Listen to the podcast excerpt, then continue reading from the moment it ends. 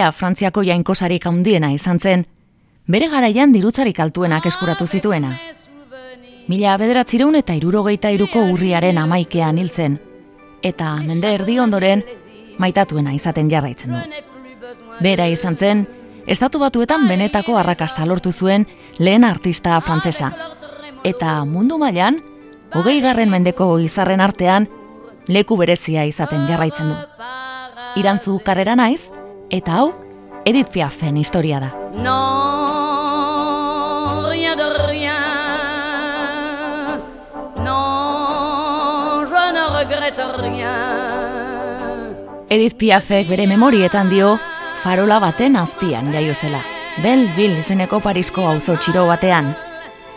Baina gerora jakin da leyenda hori gezurtatuz, bertako ospitalean jaio zela. Paris, c'était la gaieté Paris, c'était la douceur aussi, c'était notre tendresse. Paris, et des gamins, des artisans, et des camelots et des agents, et des matins de printemps. Belleville etorkinen auzoa zen, eta gehien bat euren herrialdetatik aldegindako armeniarrak, greziarrak edota poloniako judutarrak iritsi ziren bertara. Jantzi eta oinetakoen industrian lan egiten zuten batez ere. Auzo ezaguna zen bizitasunagatik, baina baita zikinkeriagatik, eta Parisko burges jendea etzenara inguratu ere egiten bada ezpada. Sous le ciel de Paris s'envole une chanson. Elle est née d'aujourd'hui dans le cœur d'un garçon. Sous le ciel de Paris marchent des amoureux. Leur bonheur se construit sur un air fait pour eux. Sous le pont de Bercy, un philosophe assis, de musiciens, quelques badauds, puis les gens par milliers. Sous le ciel de Paris jusqu'au soir vont chanter l'hymne d'un peuple épris de sa vieille cité. Zule zielde Paris genuen, Edith Piafek bere hiri maiteari eskaini zion himnoa. Piafen ama, erdi algeriarra, erdi italiarra, kale kantaria zen, jola asparketako atrakzioetan aritzen zen lanean, eta amazazpi urtekin erabat alkoholizatuta zegoen. Aita akrobata zen, eta sexapela handiko gizasemea izan behar zuen. Emakume desberdinekin, hogeita hamar aur baino gehiago izan zituela esaten da. Guztietatik legitimo modura azaltzen dena, bakarra izan arren, Edith Giovanna Gazion. Jaio berriari, alemanek fusilatutako erizain baten izena jarri zioten. Espia zelakoan, Edith Cavell Britainarra, Edith Piaf jaio zen urtean erail zuten. Mila bederatzireun eta amabostean. Jamais encore on n'avait vu une telle gaieté, une telle cohue. Il y a bal dans ma rue. Et des musiciens perchés sur un tréteau. Nous pour les amoureux qui tournent de le lèvres et les yeux dans les yeux. Edith Piafen jaiotzak aita gerran harrapatu zuen. Mila bederatzireun eta amabosteko abenduak emeretzi zen, lehen mundu gerraren hasiera hasiera. Etxera itzuli zenean, ez zitzaion iruditu amak behar bezala zaintzen zuenik, eta amonaren esku utzi zuen txikia, Frantzia iparraldean, Normandia guztiko putetxerik ezagunenaren jabea zen, baina kontua da, bertako neskek alaba bat ezela zaindu zutela. Zortzi urte zituela, amaren aginduz, aitak berarekin eraman behar izan zuen, eta Edith Piafek titiritero bizitza hasi zuen. Karabana batean bizi ziren eta aitak akrobaziak bukatzean dirua biltzea zen neskatoaren zeregina.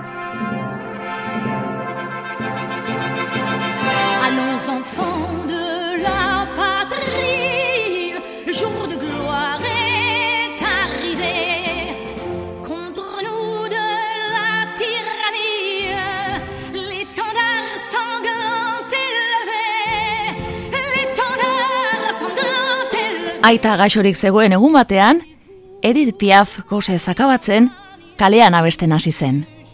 Eta ezagutzen zuen kantu bakarra zenez, Marseillesa interpretatu zuen. Aitak aurreko hiru egunetan bildutako dirua baino gehiago lortu zuen, eta honela hasi zen Frantziako abeslaririk ospetsuenaren ibilbide ziraragarria. Santiago, à Whitechapel ou Bornéo. C'est à Hambourg, à Santiago, à Rotterdam ou à Frisco. Hello boy, you come with me, amigo. Te quiero mucho, Liebling, come dormir with Simon Berto, Momon izeneko beste neskabatekin batera, Parisko kaleetan kantatzen hasi zen, bertako taberna, kafe eta antro batetik bestera. Amazazpi urtekin, Louis Dupont izeneko mutil bat ezagutu zuen. Edit txikitsua zen eta ez oso polita, Duponen esanetan ekaitz batetik atera berria zirudien, baina bere ala maite mindu ziren eta Marcel izeneko alaba bat izan zuten. Artu emana oso gora beratsua izan zen, bere bizimodu bohemioagatik edo Edith Piafek polizia atzetik izaten zuen erabat. Eta bi urteko alaba, meningitisagatik hiltzean, etzen bikotea eusten zuen ezer gelitzen.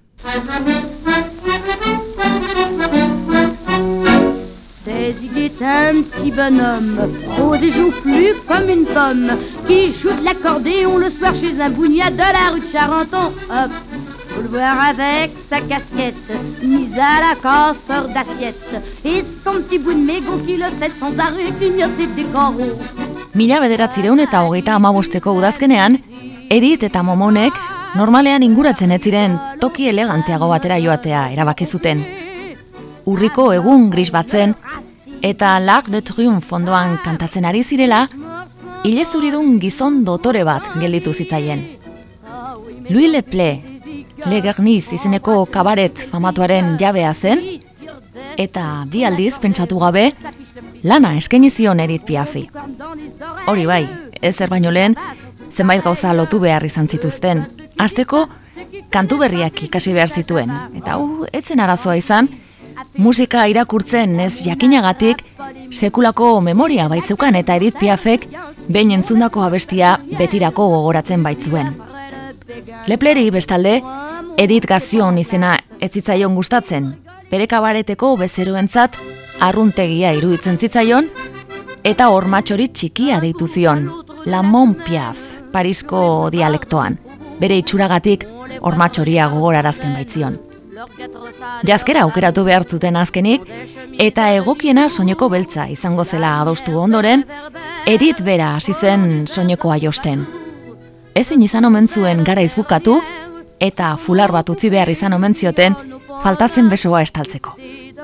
Baina bere estiloa, lehenengo egunetik erabakita gelditu zen. C'est nous les mômes, les mômes de la cloche, clochards qui s'en vont sans un rond en poche. C'est nous les paumés, les purées de paumés, qui sommes aimés un soir n'importe où. Nous avons pourtant le cœur fort exigeant, mais personne n'en veut, bah tant pis pour eux. qui que ça fout, on s'en fout. Nul ne s'y accroche, il n'y a pas d'amour, et l'on sera toujours les mômes de la cloche. Lepleren kontratua sinatu eta berehala, Lamon Piaf lehenengo aldiz grabazio estudioan sartu zen. L'étranger izan zen grabatu zituen lau kantuetako bat. Lehenengo aldiz, La Lajon soprano famatuari entzun zionetik, berea egine izan zuen abesti hau, marinel batekin izandako aferra gogorarazten baitzion. Berez, sei hilabete itxaron behar zuen, Parisko idatzigabeko lege baten arabera, kantari batek ezin baitzuen epe horretan, beste abeslari baten doinurik interpretatu, baina Edith Piafek entzun zuen egon berean kantatu zuen klubean, eta grabatzeko baimena lortu zuen gainera. Bueno, ba, l'étranger, Piafen maitasun kanten prototipo bihurtuko zen. Il avait un air très doux, des yeux rêveurs un peu fous, aux lueurs étranges. Comme bien des gars du Nord, dans ses cheveux amusants, un sourire d'or. J'allais passer sans le voir, mais quand il m'a dit bonsoir, d'une voix chantante, j'ai compris que ce soir-là, malgré la pluie et le froid,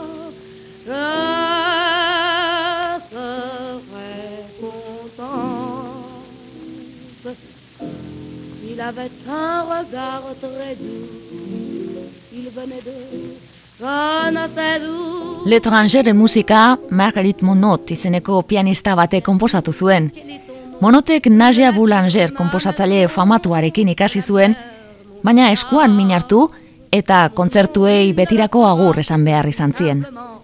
Kantak idazten hasi zen orduan, eta piafentza tirurogei baino gehiago konposatu zituen, tartean ezagunenetako batzuk. Grabazio egin eta handi gutxira, Louis Leple hil egin zuten eta piafek galdeketa luzeak jasan behar izan zituen. Poliziak bazekien berak etzuela Leple tirokatu, baina konbentzituta zeuden norri izan zen bazekiela. Parisko prensa ere bestalde bere kontra jarri zen eta kantaria asko asarretu zen. Louis Leplé, propriétaire d'un bar à la mode, a été assassiné. Des bandits l'ont tué d'un coup de revolver après avoir ligoté et baïonné sa femme de ménage. Mademoiselle Piaf, pourquoi après l'attentat avez-vous indiqué le nom de vos amis Mais je n'ai accusé personne, monsieur. J'étais obligée de dire avec qui j'étais avant, puisqu'on m'a, on m'a questionné. Il fallait bien que je dise avec qui j'étais. Si je n'avais rien dit, on aurait eu l'air de dire que je protégeais quelqu'un. Alors j'ai dit la vérité, mais je n'ai accusé personne. Vous connaissiez bien le, le play Il n'y a plus d'amis, il n'y a plus personne maintenant.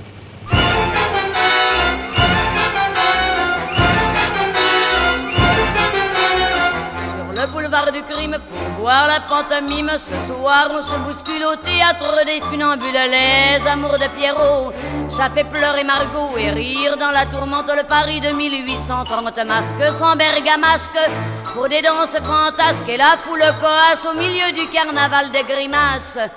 Mais dans la foule qui rit de Pierrot, il y a toujours un arlequin. Dans la vie, faut des arlequins, sans quoi l'amour, ça ne serait que des mots.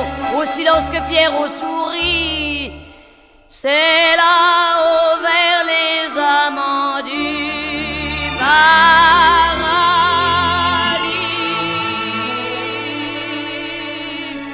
Edith Piafek bere kantuetan abesten zituen drama, eriotza eta fama gertu gertutik ezagutu zituen eta Paristik urrutiratzea erabaki zuen. Frantzia osoko zinemetan kantatzen hasi zen, pelikula eta pelikula artean abesten zuen, eta Gaimon Aso letragile famatua ezagutu zuen garai hartan. Aso piafek asko miresten zuen, Magi Duba abeslariaren idazkaria zen, baina esan bezala baita kantu idazle famatua ere. Eta berea da, Le Fanion de Legion honen hitza.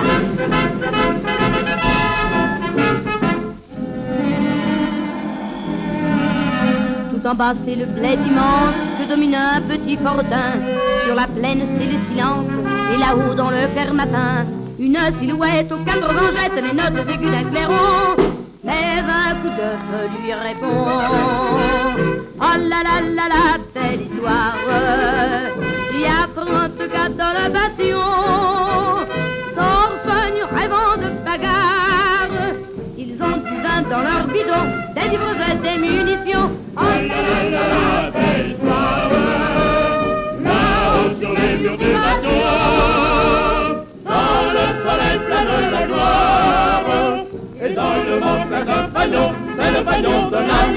Frantziako chanson estiloa bertako musika herrikoiaren adar batzen.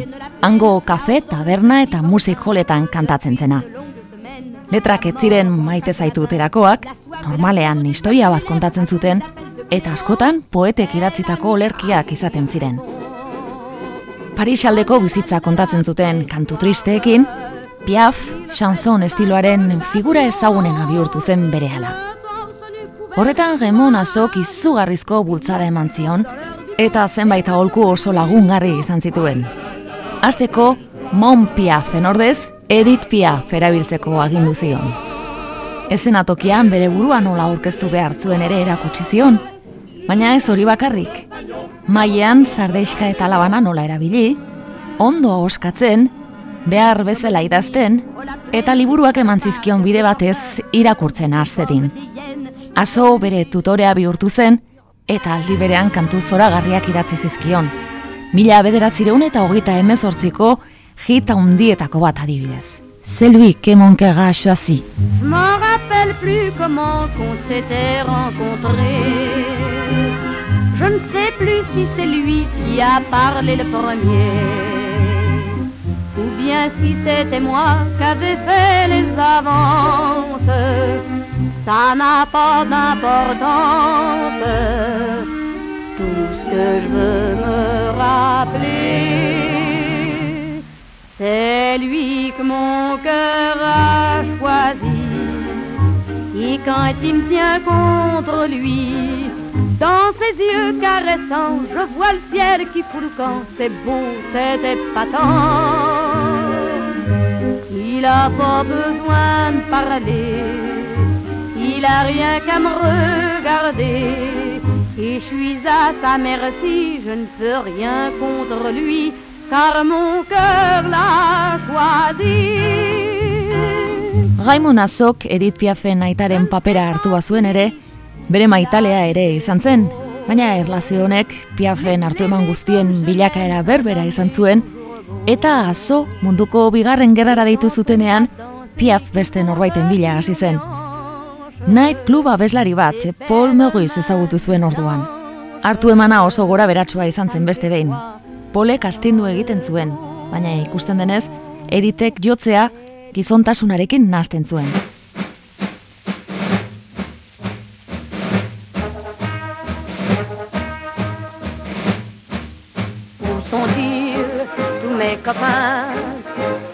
Partis un matin faire la guerre. Où sont-ils, tous ces petits gars, qui chantaient on en reviendra, faut pas s'en faire. Les tambours et les clairons accompagnent leurs chansons dans l'aube claire. Où sont-ils, tous mes copains, qui sont partis un matin faire la guerre? Je connaissais des petits gars de Saint-Cloud, je connaissais des gars de la Villette, je connaissais des gars d'un peu partout, un de ceux-là n'a fait la mauvaise tête. Il y en avait le menil montant, il y en avait des gars de 20 ans, tous ont répondu présent et sont partis en chantant. Mila behatzireun da berrogeiko ekainean alemanak Parisen sartu ondoren, ofizialak Edith Piafen kontzertuetan azaltzen hasi ziren. Eta handi gutxira, alemanak joaten ziren antro baten gaineko gela hartu zuenean, Edith Piaf kolaborazionista zela zioten zurrumurruak zabaltzen hasi ziren. Baina etzen horrela izan, eta kontua da, alemanek ez zutela bere abots apartagatik soilik miresten, euren aurrean ikaratzen etzelako baizik. Behin da berriz eskatu omen zioten Alemaniara joateko kantatzera, baina ez ez erantzun zuen beti. Gerra bukaera gertu zegoela joan zen bai Alemaniara, baina soldadu frantsesak zeuden presondegietan bakarrik abesten zuen, eta Parisen debekatuta zeuzkan kantak bertan abestu egiten zituen gainera.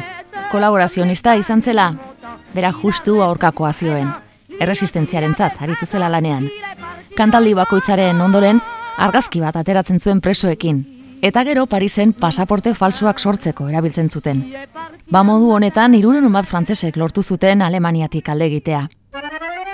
Piafen laguntzaz Alemaniatik alde egitea lortu zuen presoetako bat, Michel Emer komposatzaile judutarra izan zen.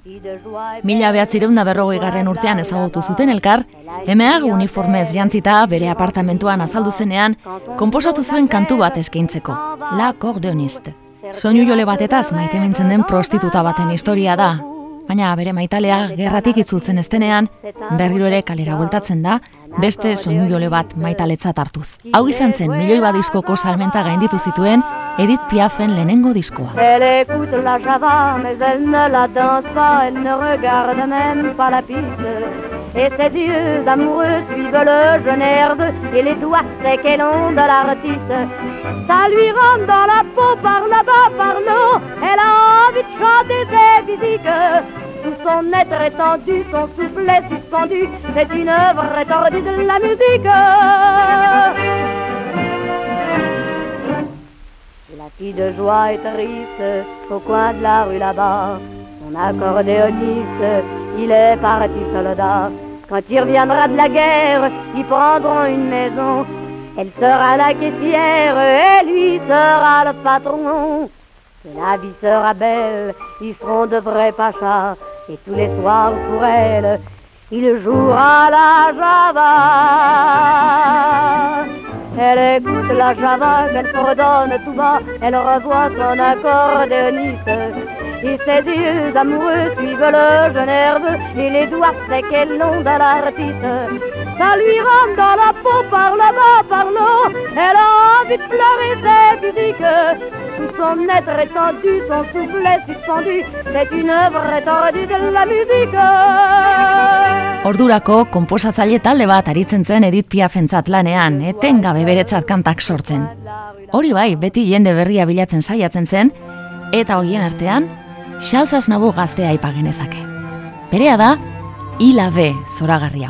Il y avait un garçon qui vivait simplement travaillant dans le faubourg. Il y avait une fille qui rêvait sagement en attendant l'amour.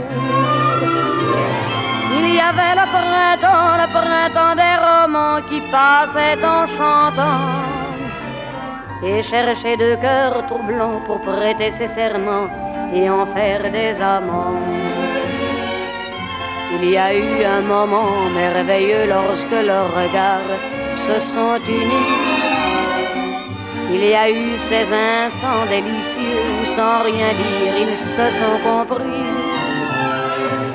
Il y a eu le destin qui a poussé le gamin à lui prendre la main.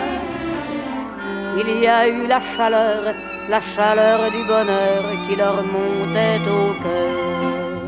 Baina Edith Piafetzen kantaria soilik, Jan Cocteau lagun mina zuen esaterako eta bi antzerkilan idatzi zituen beretzat.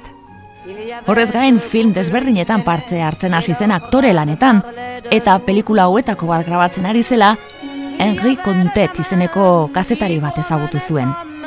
Bera baino amabi urte zarragoa, altua, elegantea, ileoria eta gainera, kantu idazlea. Piaf lehenengo momentutik maite mindu zen, baina kontek bazuen neskalaguna eta hasieran etzion kasorik egin. Piafek denetarik egin zuen Henri erakartzeko, beste gizonekin ateratzen hasi, apartamentu zaldatu, baina batez ere kantu bat idatzi zuen, gentleman bati buruzkoa. C'est un monsieur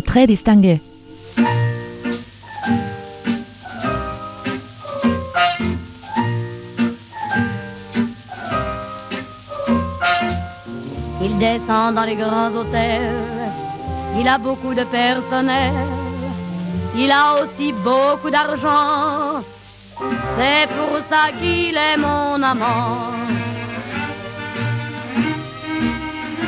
C'est un monsieur très distingué, c'est un monsieur qui est marié, ses enfants seront très bien élevés comme il se doit. Sa femme est blonde, c'est un monsieur très demandé. Les gens l'écoutent parler, il est de la haute société. C'est ce qu'on appelle un homme du monde.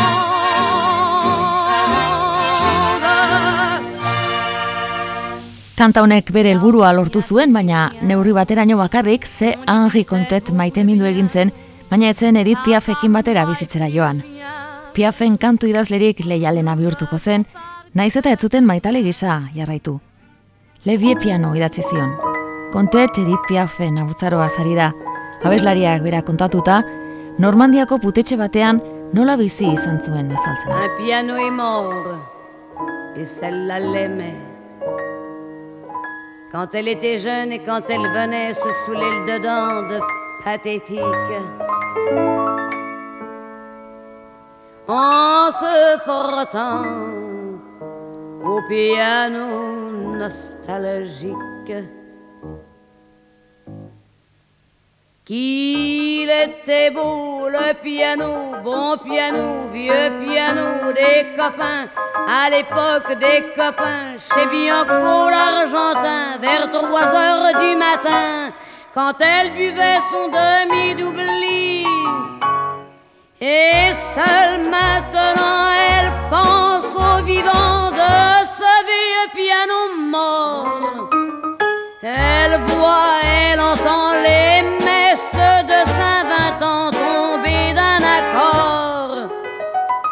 Au bar, quand elle boit, c'est vrai qu'elle revoit des mains sur l'ivoire blanc. Les mains de Bianco, des mains qui lui font cadeau d'un peu du vieux temps. Mila bederatzireun eta berrogeita lauean gerra bukatzean, Parisko gaugiroa betiko martxa hartzen hasi zen. Eta Edith Piafek, Mulan Rouge ospetsuan kantatzeko aukera izan zuen pare bat astez.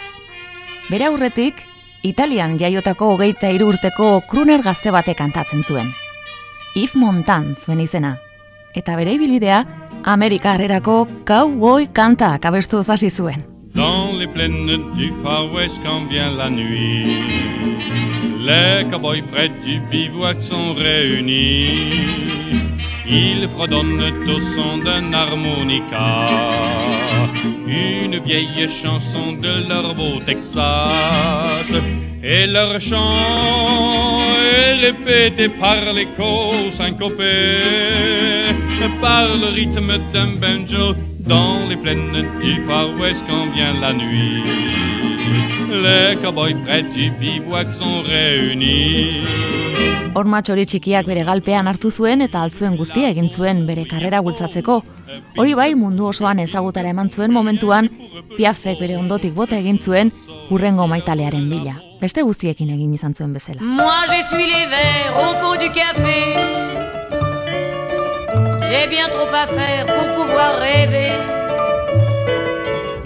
Dans ce décor banal à pleurer, il me semble encore les voir arriver. Ils sont arrivés, se tenant par la main, l'air émerveillé de deux chérubins portant le soleil. Ils ont demandé d'une voix tranquille un toit pour s'aimer au cœur de la ville. Et je me rappelle qu'ils ont regardé d'un air attendri la chambre d'hôtel au papier jauni. Et quand j'ai fermé la porte sur eux, il y avait tant de soleil au fond de leurs yeux que ça m'a fait mal, que ça m'a fait mal. Moi j'essuie les verres au fond du café. J'ai bien trop à faire pour pouvoir rêver. Et dans ce décor banal à pleurer, c'est corps contre corps qu'on les a trouvés. Jean-Louis Joubert, le compagnon de la chanson ahots taldeko liderra Parisko bere apartamentura bizitzera joan zenean, taldeko beste zortzikideak ere Edith Piafen etxean sartu ziren. Azken finean hori zen txikitan bilatzen zuena. Jende zinguratuta egotea, eta hortzaroan izan ez zuen familia berreskuratzea. Irratian behin, berak urtebete lehenago baztertu zuen abesti bat entzun zuen. Kantu herrikoia zirudielakoan atzera botatakoa izanagatik, komposatzailearekin haserretu egin zen, berea zen kantura beste norbaiti eskaini ziolako. Musikaria argibideak ematen saiatu zen, baina Edith Piafek ez zuen ezer jakin nahi, Le Compagnon de la Chanson taldearekin abestu nahi zuen, eta kantua beretzat behar zuen. Le Trois Closes zen kantu hori, eta Edith Piafen abestirik sonatuenetako izango zen. Village au fond de la vallée, comme égaré, presque ignoré. Voici quand la nuit étoilée, un nouveau-né nous est donné. Jean-François Nico, il se nomme, il est joufflu, tendre et rosé. À l'église, beau petit homme, demain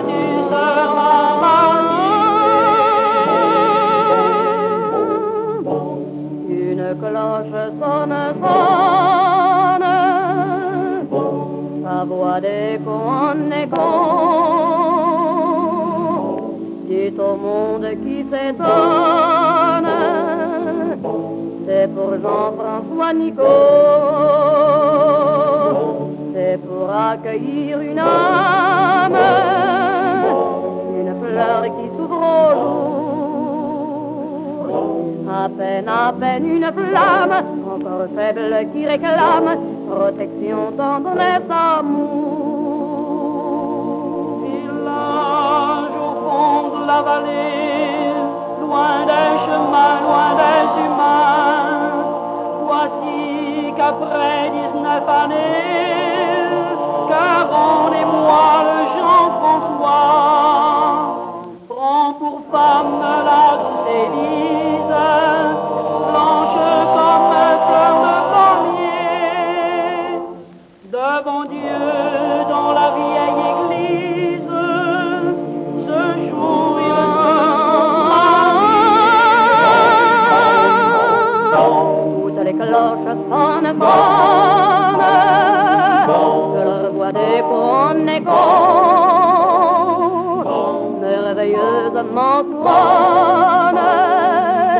la noce à François Nico, un seul cœur, une âme, il paraîtrait pour toujours. Soyez une pure flamme qui s'élève et qui proclame la grandeur de votre amour.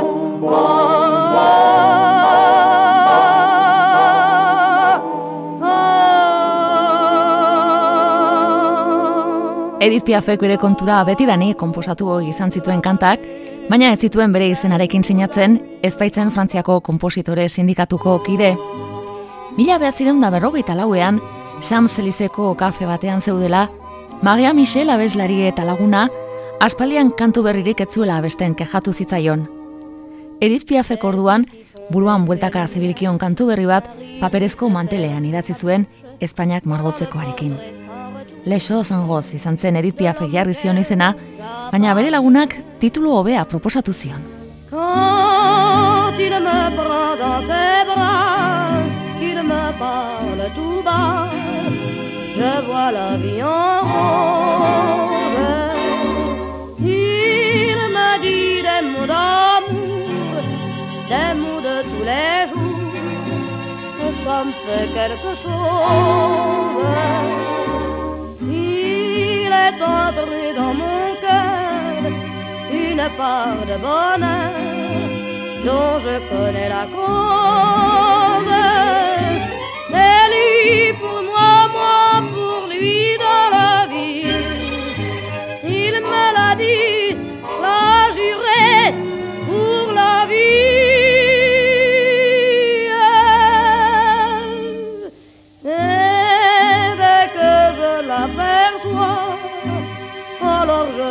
dans moi mon cœur qui.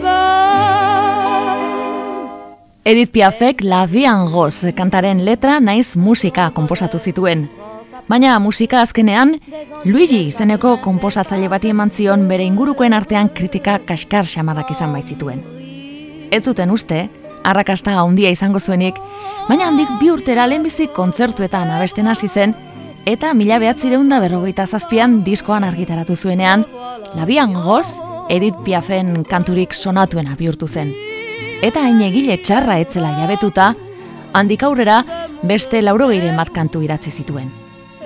Mila behatzireun da berrogeita zazpian, Le Compagnon de la Sanson taldearekin batera, estatu batuetara abiatu zen lehen aldiz. Gero beste zortzi bat bidai egingo zituen, baina hasiera etzen bat ere ona izan. New York iriko berrogeita zortzigarren kalean kokatuta dagoen Playhouse izeneko lokal elegante batean hasi zen kantatzen. Eta ikusleek Parisko xarmaz beteriko kantari sofistikatu bat espero zuten. Ma beraien aurrean, beltzez jantzitako emakume txikitxo bat azaldu zen, makila gabe, erdi purdiko itxurarekin, eta ulertu ezin zuten hizkuntza batean gainera. Piafek etzekien inglesez eta horregatik, itzultzaile batek aurkeztu egiten zizkion kantak publikoak zertaz ari zen jakintzezan. Bueno ba, publikoa amerikarrari guztietatik gustatu zitzaion bakarra The Three Bells, Le Compagnon de la Chansonekin abesten zuen kantu hau izan zen. A bell for birth, a bell for marriage, a bell for death. There's a village hidden deep in the valley Among the pine trees have fallen And there on a sunny morning Little Jimmy Brown was born So his parents brought him to the chapel When he was only one day old And the priest blessed the little fellow Welcome Jimmy to the fold. All the chapel bells were ringing in the little valley town, and the song that they were singing was for baby Jimmy Brown. Perfekzionista hutsa zen eta Edith Piaf inglesa ikasten hasi zen berehala. Eguneko lau orduko klaseak. Gainera New Yorken bertan aliatu bat aurkitu zuen. Virgil Thompson konposatzaile ospetsua.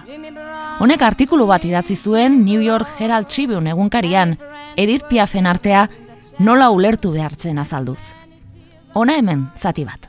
Miss Piaf represents the art of the chansonnière at its most classical. The vocalism is styled and powerful. Her diction is clarity itself. Her phrasing and gestures are of the simplest. Save for a slight tendency to overuse the full arm swing within the New Yorkeko Herald Tribuneko azalean agertu zenez Virgil Thompsonen artikuluak bere eragina izan zuen eta Versalles Cabaret Klubean zortzi asteko kontratua eskaini zioten. Edith Piaf berehala konturatu zen inglesez aurkeztea etzela nahikoa izango. Inglesez abestea zela kontua, hori baitzen publiko amerikarrak nahi zuena. I shouldn't care What if he tells me that we're through? I shouldn't care. I'll get along, I always Why should I care? Why beat my head against the wall? I shouldn't care. Edith Piafen kontzertuek handik aurrera sekulako arrakasta izan zuten eta Versalles klubeko saioa bost hilabetera luzatu zen. Famatu eta beratzek Edith Piaf ezagutu nahi zuten, eta kamerinora hilaran joaten zitzaizkion.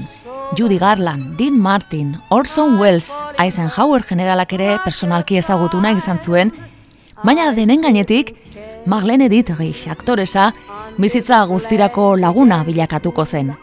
Berak oparitu zion, Edith Piafek beti zintzilik eramango zuen urrezko gurutzea. Ah, baina beste persona bat ere ezagutu zuen New Yorkeko lehenengo bidai honetan, Marcel Zerdan, boxealaria. Piaf, Versalles klubean zegoen garaiean, Zerdan New Yorkera iritsi zen munduko txapelketan parte hartzeko. Edith Piaf bat maite mindu zen. Lehen aldiz, show businesseko partaidetzen norbaitzen, eta ez zitzaion asola izan, Marcel jada ezkondua izatea. Munduko txapeldun bihurtu zenean, Piaf, rinaren alde batean zegoen, inoiz erakutsi zuen zoriontasun nahundienarekin.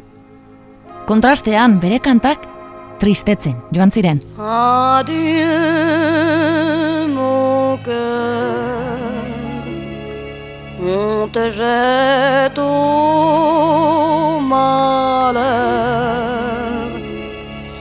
n'auras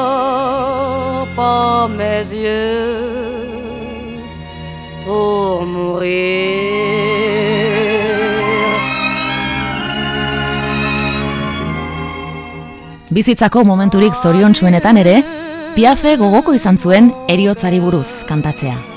Beti zebilen, amaiera adierazteko modu berrien bila. Baina gutxien espero zuen agertatu zen, Marcel eta bien arteko erlazioa tragedia mukatu zen.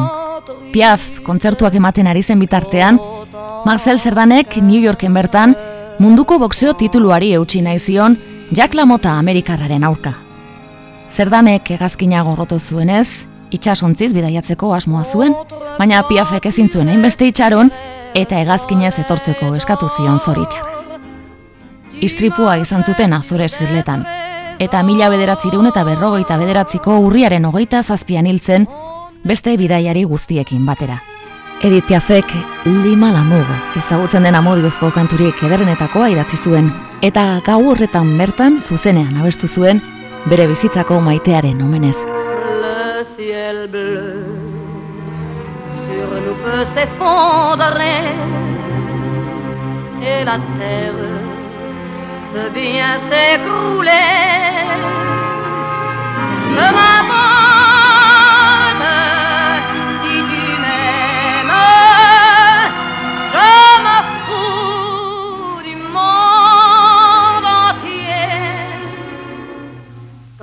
l'amour inondera mes matins tant que mon corps frémira sous tes mains.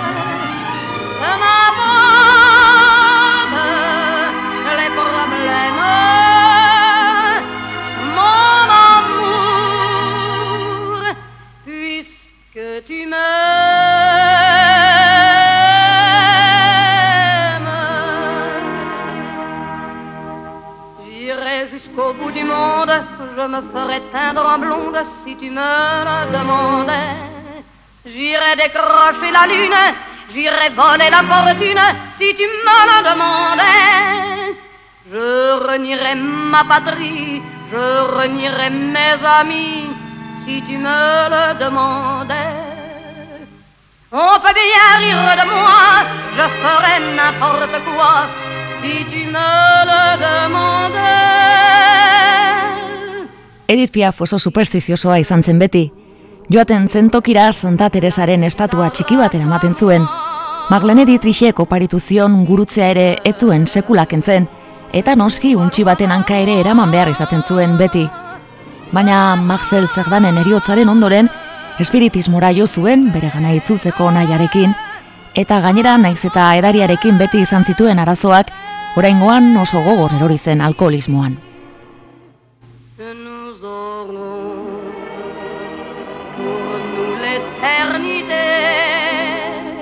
Dans le bleu de toute l'immensité,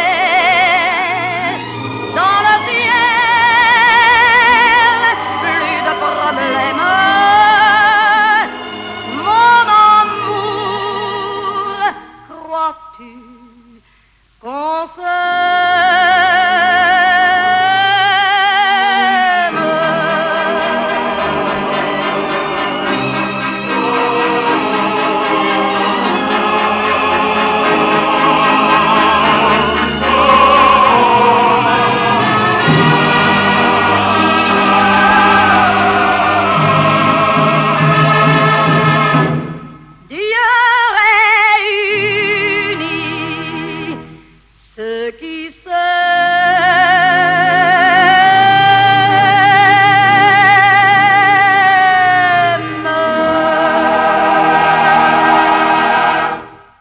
Marcel Zerbanen ondoren Edith Piafek beste maitale asko izan zituen Dickie Valentine kantari amerikarra, Charles Aznavour gaztea, Andrei Puz eta Lou Gerardin ziklistak, ziren garai errazak izan Piafentzat bikotxe istripu izan baitzituen jarraian eta hauen ondorioz morfina hartzen hasi baitzen, baina bere bizitza pribatua infernua izan arren, garai ontakoak dira bere kanturik ezagunenak, eta honako hau izan zen mila behatzireun da berrogoita maikean, urteko kanturik sonatuena.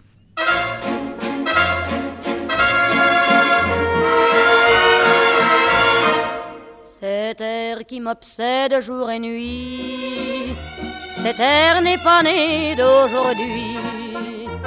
Il vient d'aussi loin que je viens, traîné par cent mille musiciens.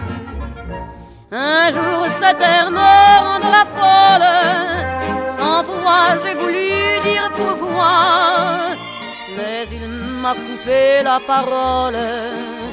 Il parle toujours avant moi et sa voix couvre ma voix. padam, padam, il arrive en courant derrière moi. Padam, padam, padam, il me fait le coup du souviens-toi. Padam, padam, padam, c'est un air qui me montre du doigt. Et je traîne après moi comme une drôle d'erreur, cet air qui sait tout par cœur. Piafen maitasun historioek ez zuten luze irauten, eta horregatik izugarrizko xoka izan zen jende guztiarentzat, Jacques Pil kantariarekin ezkontzekotan zela jakinarazi zuenean mila behatzireunda berrogeita amabian. Jakina zen Pil homosexuala zela, Piaf bera baino asko zarragoa zen, eta oportunista hutsa izan zen. Ezkontza hanka sartzea handi bat izan zen, baina irauntzuen bitartean Piaf zoriontsu izan zen. Je revois la ville en fête et en délire, suffocant sous le soleil et sous la joie. Et j'entends dans la musique les cris, les rires qui éclatent et rebondissent autour de moi. Et perdu parmi ces gens qui me bousculent, étourdi, désemparé, je reste là. Quand soudain je me retourne, il se recule et la foule vient me jeter entre ses bras. Emportés par la foule qui nous traîne, nous entraîne, écrasés l'un contre l'autre, nous ne formons qu'un seul corps. Et le flot sans effort nous pousse enchaîner l'un et l'autre, et nous laisse tous deux épanouis, enivrés et heureux. Entraînés par la foule qui s'élance et qui danse une folle farandole, nos deux mains restent soudées. Et parfois soulevés, nos deux corps enlacés s'envolent et retombent tous deux épanouis, enivrés et heureux. Banatu ondoren piafen gainbehera etorri zen. Min izugarriak hasi zitzaizkion artritisagatik eta estenatokian edanda azaltzen hasi zen. Lionen oiukatu egin zuten eta beste behin zutik ez inutsita alde egiteko eskatu zioten. Baina bere bizitzaren ondamendia alde batera utzita, kontzertuak ematen jarraitu zuen, eta ez dugu aztu behar, momentu horretan, munduan gehien irabazten zuen emakumea bera zela, Frank Sinatra edota Bing Crosbyren atzetik. Mila behatzireun da irurogei garren urtean, Charles Dumont izeneko komposatzaile batek kantu berri bat eskaini zion. Non, rien de rien. Non, je ne regrette rien. Ni le bien